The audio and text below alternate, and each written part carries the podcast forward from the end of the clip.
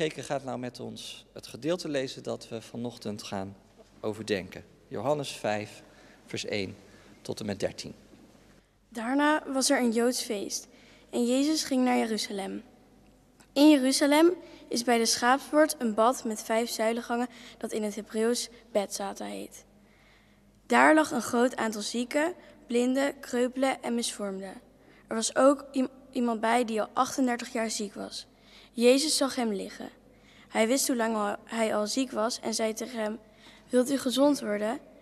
De zieke antwoordde: Heer, als het water gaat bewegen, is er niemand om mij erin te helpen.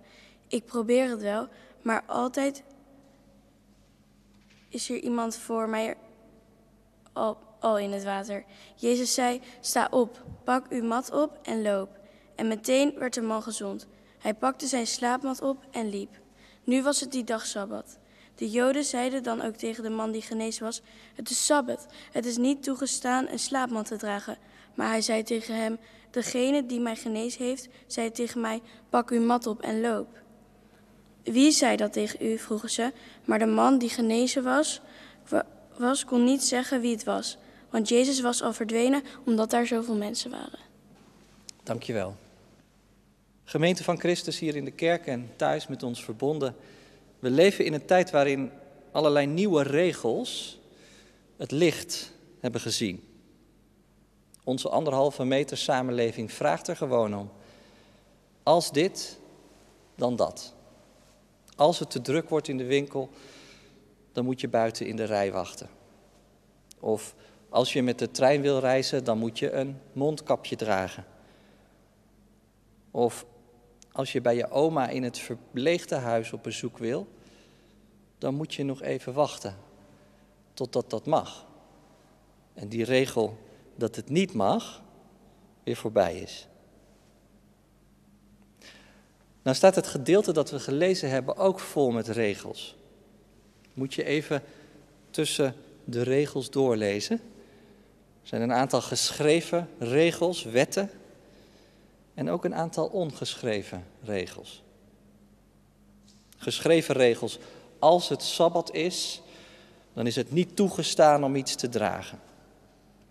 Of als iemand zo'n regel overtreedt, dan moet hij daarop aangesproken worden. Maar ook een aantal ongeschreven regels. Regels die in de loop der jaren zijn ontstaan, daar aan de rand van het water. Als de bron gaat borrelen, dan moet je zorgen dat je als eerste in het water ligt. Want dan maak je kans op genezing. En als je niet op eigen kracht in dat water kunt komen, dan moet je zorgen dat er iemand is die jou helpt en jou erheen trekt. Ik las deze week een rapport van de Raad voor Volksgezondheid en Samenleving. En in dat rapport wordt een pleidooi gevoerd voor maatwerk. Als het gaat om onze regels op dit moment. We moeten letterlijk afstand houden. En dat doen we om een heel kwetsbare groep medeburgers te beschermen. Maar dat rapport zegt dat we tegelijkertijd niet moeten vergeten dat diezelfde afstand soms ten koste gaat van het goed en gezond samenleven van andere kwetsbare groepen. Dat daardoor zomaar iemand buiten je blikveld kan raken. Met andere woorden, dat er maatwerk nodig is en dat vereist zorgvuldigheid. Maatwerk. Dat geldt in ieder geval voor die man bij het water. Hij krijgt maatwerk. En wat voor maatwerk? Jezus zelf komt naar hem toe. En dan verandert alles. Want waar niemand die man meer zag liggen, ziet Jezus hem wel. En trekt hem als het ware uit zijn sociale lockdown. En ik denk dat we daar vandaag best wat van kunnen leren. Die man ligt in een van de zuilengalerijen bij het water van Betsata. Je ziet hier vijf kolommen, vijf zuilen. Gebouwd rondom het water, rondom een waterbassin. Je zou kunnen zeggen dat er vijf galerijen waren en dat zie je wel voor je, lange gangen. En daar lagen allemaal mensen. te wachten. Het is onduidelijk naar welk Hebreeuws woord er precies wordt verwezen. In de nieuwe Bijbelvertaling staat er Betsata, in oudere vertalingen Bethesda. Maar waarschijnlijk gaat het om een woord wat zoiets als huis van genade of huis van trouw betekent. Huis van de solidariteit. Gebouwd rondom twee waterbazins, vlakbij de schaapspoort. Daar werden schapen verkocht voor het offerfeest. Die zouden in de tempel worden geofferd. En sommige uitleggers denken dat die schapen schoon werden gemaakt in het water hier. Volgens Eusebius was het water van Betsata altijd een beetje rood van het bloed. In ieder geval stond dat water in verbinding met allerlei ondergrondse stelsels en met een bron en kon het soms zomaar gaan borrelen. En dat was precies de reden dat zich hier allerlei zieke mensen ophielden, blinde, lammen, verdorden, omdat ze geloofden dat er meer aan de hand was met dat water. Omdat ze hoopten op die engel, op dat ingrijpen van God. In Johannes 4 vertelt Jezus aan een Samaritaanse vrouw dat je bij Hem moet zijn om levend water te vinden. Water wat beweegt, water wat borrelt en wat nieuw leven geeft. En zo is het ook hier. Steeds als dat water in beroering wordt gebracht, dan proberen de zieken er naartoe te komen om zich te wassen. En zo is er scharen van mensen ontstaan die hopen op genezing. En in vers 5 wordt dan ingezoomd. En zie je ineens in die massa mensen die daar ligt één man. Eén man die het verlangen misschien wel verleerd is. Het is een mens die geen mens had. Die jarenlang alle aandacht van anderen had moeten ontberen. Die man is al 38 jaar ziek. De verteller noemt het nadrukkelijk om aan te geven hoe groot het wonder straks zal zijn. Maar ook om te laten zien hoe groot de eenzaamheid van deze man moet zijn geweest. En, en de hopeloosheid van zijn situatie. Uit dat getal 38 spreekt misschien ook nog wel een verwijzing naar Deuteronomium. In hoofdstuk 2 lees je dat het volk na 38 jaar rondzwerven door de woestijn uiteindelijk op een plek is aangekomen, maar ook op een moment dat er van de eerste generatie geen enkele weerbare man meer over is. Met andere woorden, na zo'n periode van 38 jaar is alle herinnering weggaan hoe het ooit was. Dan ben je echt helemaal overgeleverd aan de woestijn. Wie kan er dan nog hoop houden? En dat al helemaal als je niemand meer hebt. Ik heb geen mens, zegt die man. Hoe zou dat nou komen? Ik heb mezelf die vraag deze week een paar keer gesteld en geprobeerd de vinger daarachter te krijgen. Welke ongeschreven regel maakte nou dat hij niemand had? Ik ging op zoek voor deze zondag naar een geschiedenis die past bij dat thema, niet alleen. En ik moet zeggen, het is nog niet zo eenvoudig om een goede Bijbelse geschiedenis te vinden die precies aan dat thema raakt. Terwijl eenzaamheid in onze stad en in onze samenleving niet ver te zoeken is. Dat zal vast met de culturele afstand te maken hebben tussen ons en toen. Met het individualisme hier en de collectiviteit in de tijd van de Bijbel. Ze zijn er wel in de Bijbel, mensen die eenzaam zijn, of alleen of die geïsoleerd staan. Zacchaeus, de tollenaar, die was eenzaam, die was gehaat. En een man bij de graven aan de overkant van het meer van Galilea, die was bezeten door demonen. Niemand durfde hem aan te raken. En hier in Bethsata, deze man, helemaal alleen. Ik dacht, misschien is hij gewoon vergeten. Helemaal uit beeld geraakt. Zijn aanwezigheid in het badhuis is totaal vanzelfsprekend. Hij hoort, om zo te zeggen, bij het meubilair. En nu ziet Jezus deze man wel liggen. Als hij die zuilengalerij binnenkomt, dan ziet hij een heleboel mensen, maar deze man pikt Jezus eruit. En Jezus blijkt hem nog te kennen ook. Hij weet van zijn situatie af, maar hij wil het uit de mond van die man zelf horen. En daarom stelt hij hem een vraag. Wil je het eigenlijk wel? Gezond worden. Wat een vreemde openingszin eigenlijk. Wat dacht u nou zelf? Waarom denkt u dat ik hier lig?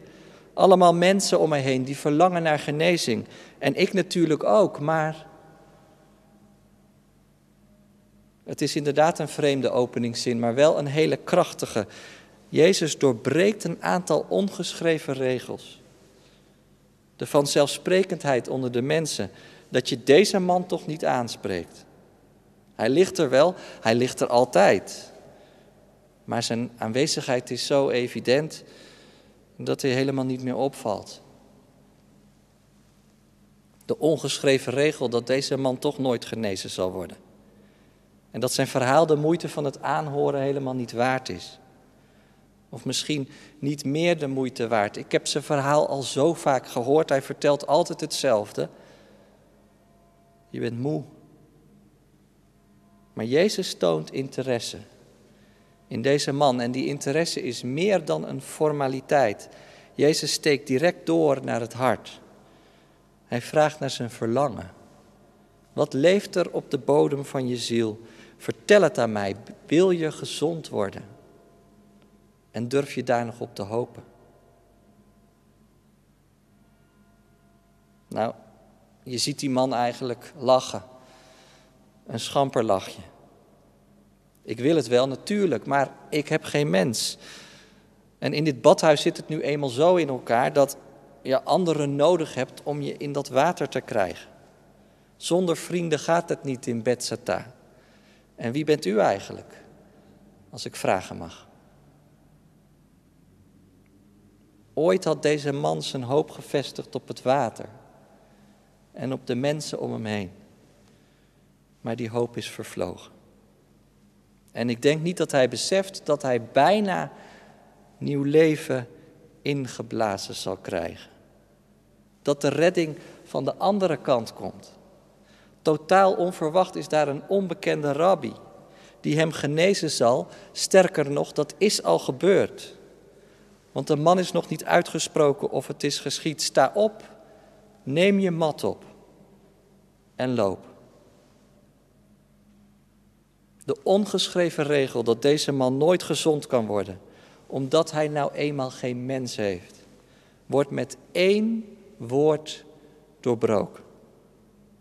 Het is een machtswoord van de zoon des mensen zelf. Sta op, neem je slaapmat op. Nou, die man die kan meteen testen of het werkt. Hij pakt zijn slaapmat op en inderdaad, de kracht is terug in zijn armen en in zijn benen. Maar die opdracht heeft ook een andere functie, een andere reden. Het verhaal krijgt een vervolg. Want Jezus doorbreekt niet alleen de ongeschreven regels, maar heel opvallend ook een geschreven regel. Namelijk dat hij iemand opdraagt om iets te dragen op de Sabbat. Die man met zijn bed op zijn rug wordt zo het levende teken van het ontregelende werk van Jezus. Van een God die ons stoort. En alles wat zo vanzelfsprekend voor ons lijkt, onder kritiek kan stellen. En het middel blijkt meteen effectief. Want voor hij er erg in heeft, wordt die man aangesproken. Jarenlang had niemand iets tegen hem gezegd. En nu ineens weten ze hem te vinden. Wat loop je daar met je slaapmat? Het is sabbat vandaag, weet je dat niet?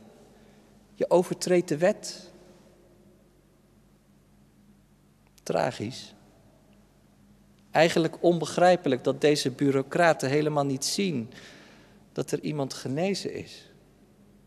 Ze zijn zo verblind door hun eigen regels dat ze het zicht op werkelijke heling en het werkelijke heil helemaal kwijt zijn geraakt. Weten jullie nog wat dat is? Heil, heling, Ben je nog in staat om gewoon verheugd te zijn? Om een mens die opleeft en op adem komt? Zou dat niet veel meer voldoening geven dan het krampachtig vasthouden aan allerlei geschreven en ongeschreven regels? Ik dacht, misschien kun je dat alleen maar begrijpen als je zelf op die manier gevonden bent en opgericht. De diepe vreugde die het geeft als je merkt dat God je kent. Dat God je aankijkt. Dat hij naar je omziet. Velen van ons zijn gezegend met mensen om hen heen. En daar mogen we heel dankbaar voor zijn. Maar we weten ook dat werkelijke heling geen mens ons kan bieden. Daar hebben we Jezus Christus voor nodig. God die mens werd om ons tot medemens te worden. En dat brengt dan bij een regel die we in dit gedeelte ook tussen de regels door kunnen lezen.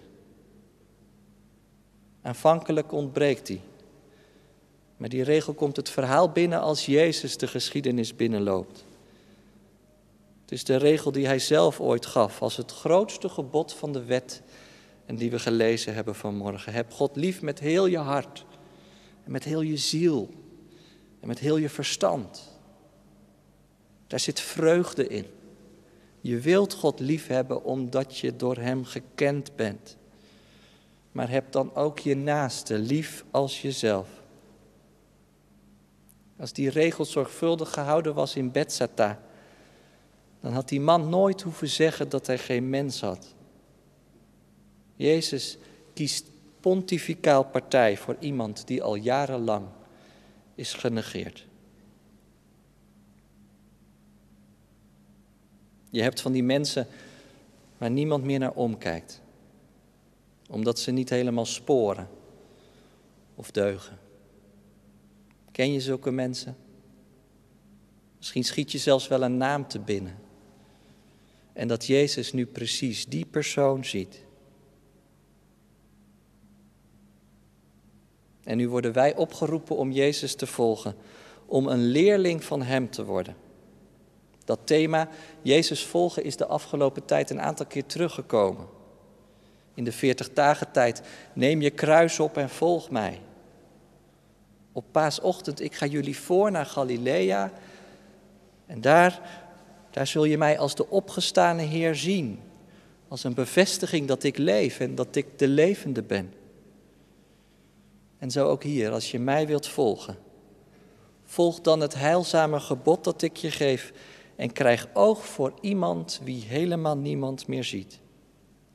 Kan ik dat dan? Ja, dat kan. Als je door de levende zelf aangekeken wordt en op je voeten wordt gezet. Dat brengt dan eigenlijk bij het einde van dit gedeelte, wat eigenlijk de aanzet is voor een theologisch discours wat Johannes beschrijft in hoofdstuk 5. Deze genezing staat niet op zichzelf, maar is echt de inleiding voor iets groters. Johannes wil iets uitleggen. Als Jezus op het matje is geroepen door de schriftgeleerden, dan vragen ze: hoe kun je nou iemand een bed laten dragen op de sabbat? En dan is Jezus' antwoord heel helder: Weet je hoe ik dat kan? Omdat mijn vader aan één stuk doorwerkt. Hij neemt geen rust en ik dus ook niet. Dan gaat het dus om het helende, het werken aan het heil. Want dan voegt Jezus er dit nog aan toe. Zoals de Vader doden opwekt en levend maakt, zo maakt ook de Zoon levend wie hij wil. Levend gemaakt worden. Dat past helemaal bij de tijd na Pasen, vind je niet? Sta op, zegt Jezus tegen die man. En het klinkt vanmorgen ook tegen ons. Sta op, word levend. Misschien word je vanmorgen wel opgewekt uit een spinnenweb van ongeschreven regels en vooronderstellingen die je in de weg zitten om werkelijk Christus te volgen. Laat je vernieuwen door de Heilige Geest en laat je leiden door die ene regel. God liefhebben boven alles en je naaste als jezelf. Want niemand hoeft alleen te zijn. Amen.